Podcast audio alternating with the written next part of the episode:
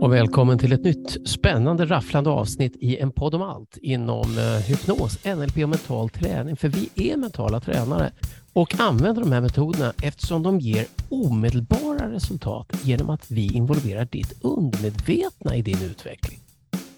Jag heter Ulf Sandström. Och jag heter Fredrik Presto. Och idag ska vi prata om hur du känner inför dig själv och hur det påverkar allt i ditt liv, men också hur det här är kulturellt och inte medfött och går att ändra. Och går att ändra. Och hur du känner inför dig själv, det kan vi, skulle vi kunna kalla för självkänsla, men vi har ett annat ord och det kommer om en liten stund. För bilden av dig själv och känslan du får av den beror på hur den stämmer med vad du tror är viktigt, det vill säga dina värderingar. Så om vi istället för att säga självkänsla säger självvärdering och då handlar det om var du är för ögonblicket i förhållande till din karta över vad som är möjligt och vad som är viktigt och värdefullt. Och då kan ju både bilden och kartan och värderingen vara fel. Då vet du inte var du är. Och kartan som du har, den bygger ju på sånt du fått från andra tidigt, familj, skola, vänner och senare till exempel sociala medier, reklam, nyheter eller fikabordet på jobbet. Som bekräftar eller ramar om den här bilden. Man kan säga att vi är gemensamt ansvariga för varandras självkänsla eller självvärdering. Och om vi skapar en kultur som värderar både individ och gemenskap som är tillåtande så höjs den kollektivt. Ja, det kan man ju säga. Man kan ju säga att, att om vi sitter vid fikabordet och säger, det fattar ju alla, att eh, om man inte kan stå på händer så är man ju värdelös. kommer alla vid det bordet som, som tycker att den här personen som säger det är värd att lyssna på och inte kan stå på händer kommer ju då känna sig lite suga. Och, och, en del kanske går iväg i smyg på toaletten och övar och testar om de kan och andra kanske bara lägger ner och kryper under bordet. Och, och det har ju då att göra med hur man reagerar på de här budskapen man får. Men det intressanta tycker jag, det är om vi då tänker att vi, har, vi jobbar ju jättemycket med att coacha folk till olika saker och ibland coachar man positivt, ibland coachar man upp sig från ett minusläge. Men vad händer om man har en bild av sig själv och en karta med vad som är värdefullt och vad som är möjligt och det där verkligen inte stämmer, då påverkar det mycket av det som många vill ha hjälp med. Det vill säga, man har svårt att dra gränser, man har svårt att säga nej. Det mm. har ju att göra med att det är inte självklart att man ska säga nej och det är inte självklart att just jag ska säga nej. Just det, och där handlar det åter om hur man värderar sig själv och också sådana saker som att anse att jag är värd att vila när jag behöver det. Jag är värd uppmärksamhet, jag är värd framgång. Så det är också att man är värd det som ja, man behöver. Ja, det är också, ja, precis. Och då kan man säga att det är bra för folk att lära sig att ta en ärlig komplimang. Om någon säger Fan vilka snygga skor, äsch det var väl ingenting. Mm. Istället säga visst, tack, vad kul att du tycker det. Eh, att, att hitta en bra strategi för att kunna ta emot en komplimang gör att man tillåter sig själv att få en bra självkänsla. För har man fått lära sig den här värderingen att man ska inte vara mallig, du ska inte tro att du är något, då kan svaret bli äsch, inte ska väl jag. Och den här känslan för vad som är viktigt och vad man värderar, det, det handlar ju också om, till exempel, jag, jag, har väldigt många klienter som, som är väldigt empatiska. Eh, de vill inte ge upp på folk. De vill ge folk en andra och en tredje chans. De eh, ser förlåtande på negativa beteenden. Ja, visst, de var väldigt oförskämda mot mig, men de kanske hade en dålig dag och alla kan ju ha en dålig dag. Å ena sidan så stämmer det med en värdering om att vara en, en god och förlåtande människa. Å andra sidan så kan det göra att folk inte drar sig ur relationer och situationer som faktiskt är ohälsosamma, där, folk, där man blir utnyttjad. För de vill inte vara den som ger upp eller, eller, eller sviker andra. Så det är verkligen en balans hela tiden. Det är på ett sätt att sätta gränser och om du inte värderar dig själv högt så sätter du inte gränser och då är det en nackdel. Sen så naturligtvis att förlåta och ge folk en andra chans är också någonting positivt. Så det, som du säger, det är balans igen. Men sen bilden också av vad man värderar och hur man värderar sig själv, det har lite att göra med hur man också hantera motgångar. Om det är så att man har fått höra du är en jävla loser eller typiskt dig eller fastän du släpper direkt så fort det kommer liksom lite grus i maskinen.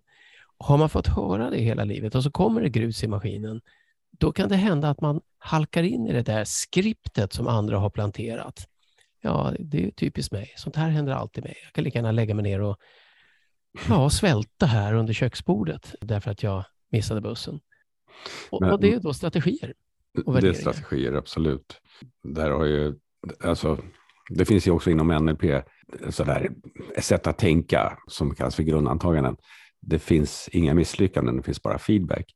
Så att om man kan se Den är så svårt för. Ja, ja nej, men jag, jag, förstår det. Och, det, eh, och jag, jag föredrar egentligen Tim Galloways trial and correction.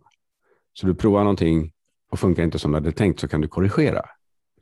Ja, och, jag, och här, jag, jag, alltså jag tycker inte till om vad den innebär, men formuleringen kan svida lite i ögonen på folk som måste ha råkat ut för något väldigt tragiskt och jobbigt. Jag, jag, jag håller med. Och, det, och det, det, det, en missuppfattning om de här grundantagandena som, som många gör, även folk som var på länge med NLP, det är att, att tolka dem som sanningar, utan det är ett, ett sätt att tänka som kan vara bra i många situationer. Det är så man ska ja. se på det. Och, jag brukar formulera det som att eh, om, om någonting är lyckat eller misslyckat, det beror på vad det är du letar efter i det. Nu eller i framtiden, är det någonting man lärde sig, var det här, kan det vara bra på ett annat sätt? Och där är man inne på omramningar. Ja, men där har du också feedback. Det är exakt det som du menas med den ja, det är det jag menar. Det är bara det att den är lite brutalt formulerad. Jag håller med. Det är det, ja. det jag menar. Jag okay. håller med ja, om innebörden, men, men formuleringen är lite klämkäck. Eh, Ja, för, men det, det är okej. Okay. Alltså, allt, allt beror ju på hur man tolkar och varför. Tolkningen är ju subjektiv. Där har vi skapat en modell som då är beteendekompassen som förklarar hur, hur vi människor beter oss. Och den, eh, man kan säga att kom, kommer du från KBT eller allmän psykologi så ser du omedelbart hur det stämmer in med den. Men den visar några områden som oftast inte täcks in när man pratar normalt om beteenden. Vi tittar ju mm. på vad det är som leder till att ett beteende sker. Och, och det är väldigt eh, strukturerat. Det finns ju en handlingspyramid. Du har en erfarenhet. Eh, erfarenheten leder till en övertygelse, det vill säga jag är kapabel att cykla därför att jag har satt mig på en cykel och det gick bra att cykla. Ja, men då har jag erfarenheten och övertygelsen att jag är bra på att cykla och då ser jag en ny cykel och tror att jag kan cykla på den. Och eh, eftersom jag då värderar cykling så hoppade jag upp på den här nya cykeln och har inte förstått att den inte har några bromsar. ja, och då måste jag lära mig det den, den hårda vägen. Men då får jag en ny erfarenhet som säger att alla cyklar har inte bromsar och då kan jag anpassa mig till det. Så att det vi gör bygger då på en övertygelse och övertygelsen skapar en tro och tron skapar en värdering. Och värderingen skapar en strategi och dina strategier är din attityd mm. som avgör om du kastar upp på nästa cykel eller inte. Om då självkänsla är en självvärdering så handlar din självvärdering om allting som har hänt fram till nu och det som hände alldeles nyss. Precis, så de erfarenheter du har leder till en övertygelse om ditt värde och hur du värderar dig själv. Precis. Och det är därför som om, om du umgås med människor som hela tiden förstärker en negativ värdering, så antingen har du då erfarenheten att man behöver inte lyssna på vad andra tycker och då gör det ingenting. Eller så har du erfarenheten och värderingen att eh, det är väldigt viktigt vad andra tycker och då påverkar det dig mycket mer. Mm. Men det är många klienter som kommer och, och kommer och säger att jag, har, jag behöver hjälp för att jag har en sån otroligt låg självkänsla. Och så visar det sig att det inte är det. Exakt. Det, det är jättevanligt. Jag hade en sån bara häromdagen. Mm. Så självvärdering är inte en muskel. Eh, för man kan säga att en del säger att det är som en muskel. Muskler tränar man och tränar man upp den så blir den stark. Eh, men muskler ändrar sig inte på en mikrosekund. Det kan en känsla eller en tanke göra. Så ja, på ett sätt är det som en muskel. Du kan träna upp en färdighet i att hantera det. Men på ett sätt är det inte som en muskel. Nej, precis. Det, kan, ja, det bygger ju i viss mån på färdigheter, men det är inte bara färdigheter. Nej, för det kommer nya erfarenheter, det kommer en ny mm. situation du inte varit med om och då, då har du inte en färdighet för att hantera just den situationen. En del tror ju också att det är medfött. Jag är sån, det är så här. Men det är väldigt, det är ganska lite som är medfött, i varje fall det finns det ganska må många forskare som, som menar det, utan det mesta är inlärt och vi lär om hela tiden. Och även om vi har vissa medfödda egenskaper eller personlighetsdrag så mm. lär vi om dem. De är liksom en preset. Är som, vi är född med en låtlista. Liksom, ah, nu ska vi ha soft jazz här för att folk ska sitta och prata. Men när livet då säger nej, vi ska inte prata, vi ska, vi ska dansa som fan. Då byter, då finns det i DNA möjlighet att byta låtlista till någonting mer poppigt. Så man kan säga att alla övertygelser vi har uh, har skapats av våra erfarenheter och lite magiskt tänkande. De är ju då idéer. Uh, och om vi då har idén att vi föds tillräckliga och i utveckling. Att vi mm. så att säga, menar, vi, vi föds med förutsättningar för att förhoppningsvis klara av ett liv eftersom vi i 60 miljoner år har återfötts i detta liv. Eh, eller hur man ser på det. Men, men, men vi har en viss grunduppsättning av verktyg och är i konstant utveckling. Det vill säga, vi är inte stöpta i en form. Vi är inte, vi är inte tvingade att vara som vi är. Folk säger så här, det där är inte jag. Och då brukar Nej, jag säga så här, jo, det är det visst det. Det är en annan och ny del av du. Mm. Man brukar säga också, var bara den du är. Men det är ju vad jag är just nu. En annan intressant sak med, med just känslor när de är involverade, för att det är ju tanke, känsla och beteende som vi kan laborera med som, som människor. Eh, och när man då, anledningen att vi då inte är så förtjusta i självkänsla utan föredrar självvärdering, eh, är ju att en känsla är en reaktion på någonting. Och vi är lite mekaniskt begränsade. Om, om du får till exempel magknip, det kan bero på att du har ätit någonting som, som skapar magknip. Eh, det kan också bero på att du blir stressad över någonting, medvetet eller omedvetet, som skapar hormoner som skapar magknip som är en del av en flyktreaktion. Eh, och Det kan också vara att du får en känsla av att du inte riktigt är så bra som du trodde i en viss situation, så skapar det en stress som skapar en magknip. Så att kalla känsla för en självkänsla, det är inte ens säkert att den handlar om dig själv. Det kan vara en reaktion på någonting helt utifrån eller något som har kommit in i form av mat. Eh, Lars-Erik Unestål har ju begreppet självbild eh, i det han kallar för smakfaktorer. Som då är... Det, gillar jag lite mer. Alltså känslan ja, är en reaktion på bilden. Men... Ja, en bild av sig själv. Så det, det, det är också en variant. Så han har ju tittat då på framförallt framgångsrika idrottare, för det var där han började. Och de som var framgångsrika, de hade en positiv självbild och sen så en målbild och sen attityd och känsla faktiskt.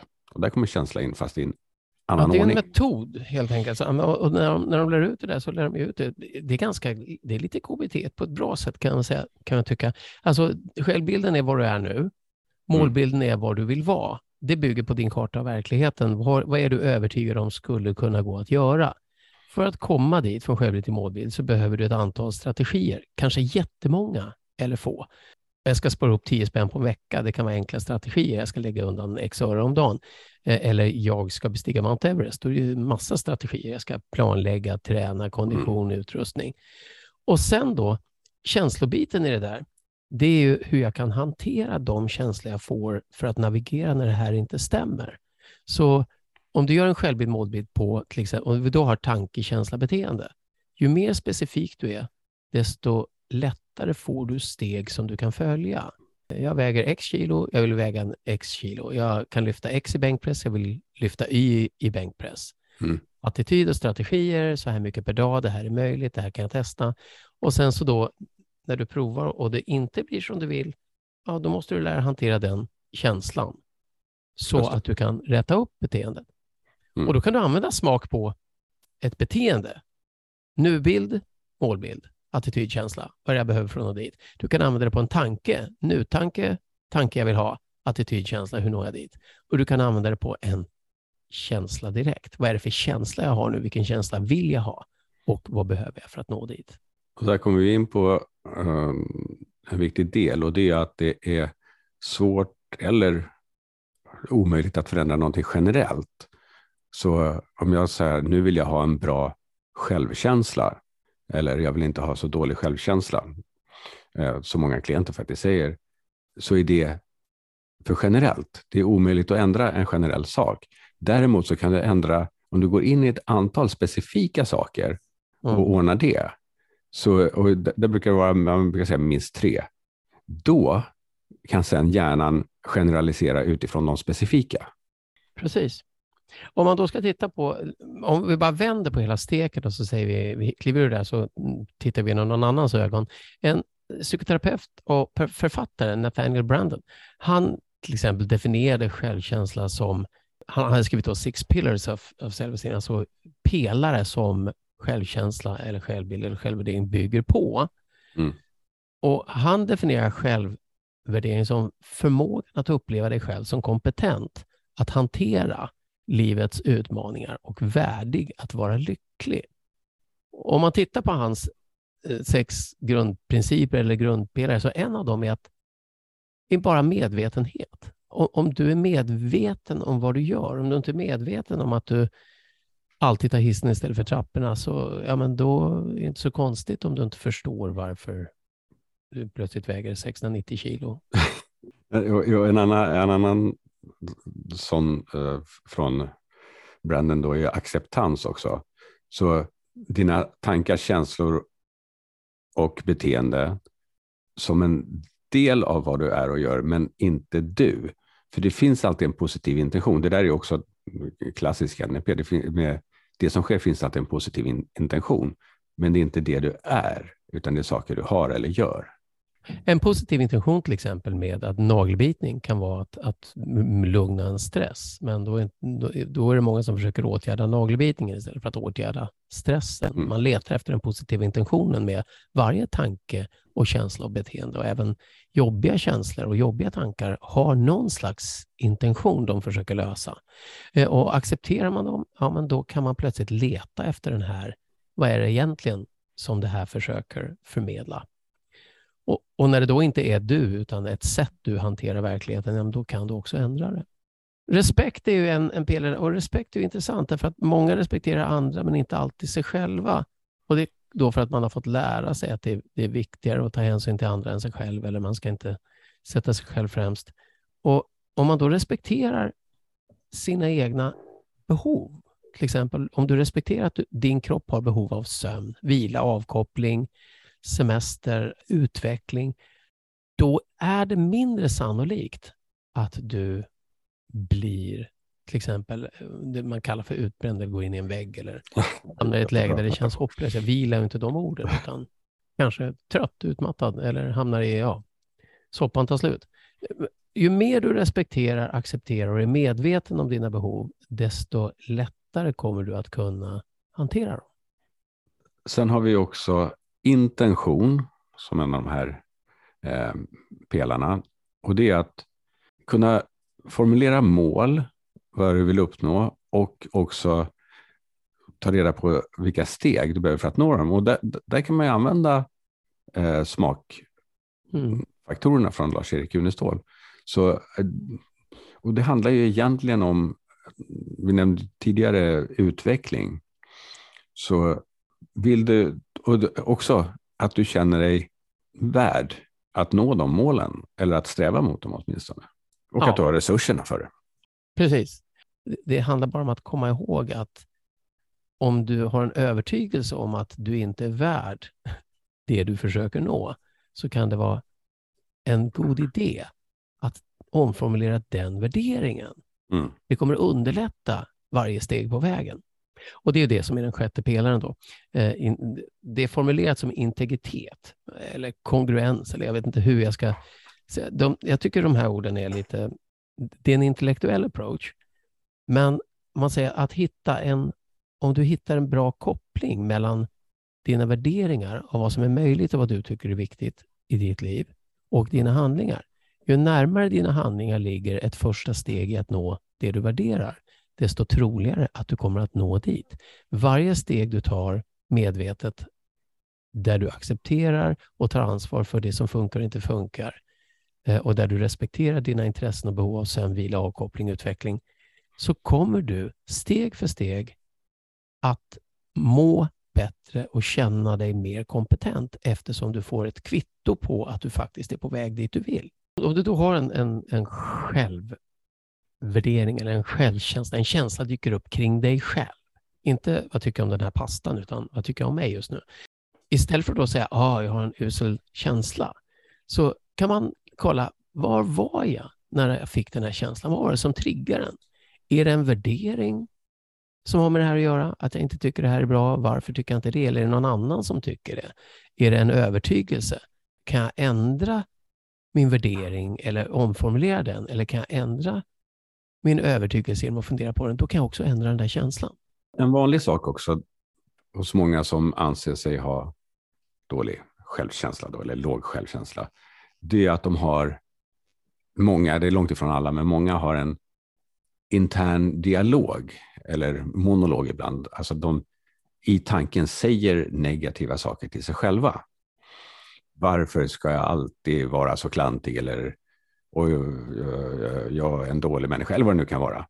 Mm. Eh, om man då bara är medveten om den, de saker man säger till sig själva, lyssna på hur den rösten låter och sen bara ändrar varifrån rösten kommer och varifrån den låter. Vi brukar kalla det för smurftummen.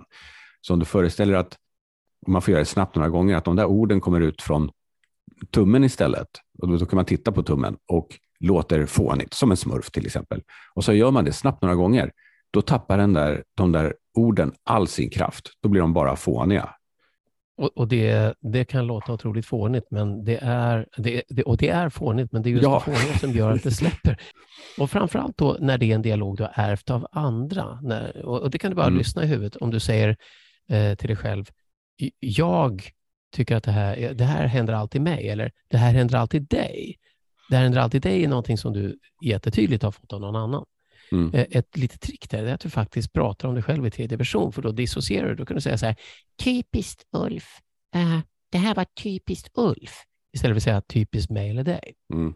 Då blir det ännu en annan reaktion och en annan känsla Äh, men så alla våra känslor är reaktioner på ett stimuli, en, eh, nå, någonting utifrån, något som händer, ett ljud, en doft, en smak eller någonting internt, en, någonting som känns i kroppen, hunger, är hungrig, är trött eller en tanke som dyker upp eller en tanke som leder till en värdering från ett minne, från en erfarenhet. Och Det här skiftar ju hela tiden, så vi har inte en känsla för oss själva, utan vi har en konstant föränderlig känsla. Och när vi identifierar vad som skapar den, då kan vi skifta förutsättningarna för hur vi känner. Både tankar, värderingar och känslor är omedelbara och subjektiva och de kan ändras på millisekund om det kommer ny information. Precis, någon plötsligt så står det på löpsedlarna, du är perfekt. ja, den löpsedeln väntar jag fortfarande på. Den här klienten jag hade då eh, häromdagen så kom för låg självkänsla och så frågade jag då på vilket sätt har du låg självkänsla? Eh, och då sa han, ja, det, är, det är att jag kan inte prata inför andra människor offentligt. Så hålla en föreläsning som jag ibland måste göra, då, det, det blir bara pannkaka av det och jag blir jättenervös och jätterädd. Och eh, hennes sätt då att det här fungerade för henne då, det var ju inte medvetet och med flit, utan hon föreställde sig att hon fick hjärtklappning, att hon rodnade och att hon stammade. Vilket naturligtvis då ledde till att just det skedde. Hon fick hjärtklappning, rodnade och stammade. Och då använder vi en teknik som kallas, jag har redan nämnt en dissociation. Då. Det är att ta samma bild och föreställa att du ser dig själv utifrån, som på film, och göra den liten och flytta den långt bort. Man får göra det snabbt några gånger. Och tre varianter på de bilderna. Och sen är det löst. Sen, sen får man göra mer, man får gå in med en bra känsla av sådana saker också, men det var i princip det vi gjorde.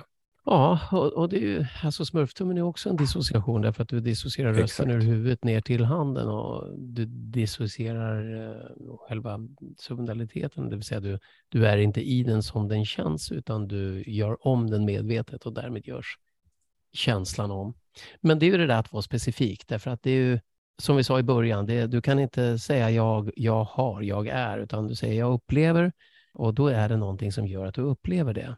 Så mm. du har inte en självkänsla, du har en, en, en, bild av dig själv och värderingar av vad som är viktigt som konstant förändrar sig och skapar olika känslor. Så din självvärdering, din självbild, din självkänsla är hur väl bilden av dig själv i en specifik situation som kan vara föränderlig eller mera, verka mer statisk, stämmer med vad du tror är viktigt i just det ögonblicket, det vill säga din värdering. Och eh, det finns då massa olika ställen du kan förändra här genom att tänka igenom bilden, Är den här bilden sann? Är det den du vill ha? Hur ser den ut som du skulle vilja ha istället? Eller värderingen. Är det här verkligen rätt värdering eller finns det fler sätt att värdera den här situationen? Menar, det kanske inte är jättekul att vara ute och springa, men eh, om du plötsligt får bra kondis och vinner en maraton så kanske det är värt det. Då kan man värdera om springandet i det ögonblicket. Och sen situationen. Eh, vad är det egentligen för situation? Är det som jag uppfattar det eller kan jag se den här situationen på andra sätt? Då kan du ofta ändra stegen och resultatet och bli mer medveten och, och därmed ändra både din värdering och din bild och din känsla. Dela, hör av dig. Har du någon egen historia eller erfarenhet kring det här? Du kan mejla oss på info.denpodomalt.se. Och en sammanfattning av allt det vi talar om hittar du i vår bok Unpack Your Existence som finns fysiskt och som ljudbok där sådana finns. Du kan gå med en gång i månaden och uppleva en live workshop om du går in på unpackyourexistence.com. Om du tycker det här var intressant så får du gärna dela det här avsnittet med någon du tror kan ha glädje av det. Och då får du dessutom någon att diskutera det med. För du har just nu lyssnat på en podd om allt inom hypnos, NLP och mental träning med Fredrik Pesto och Ulf Sandström. Vi är mentala tränare som arbetar med hypnos och NLP som involverar ditt undermedvetna i din utveckling. Rösterna du har hört är en del av ditt undermedvetna. Mm. Lyssna gärna på någon av de andra avsnitten. Då går att lyssna på i vilken ordning som helst.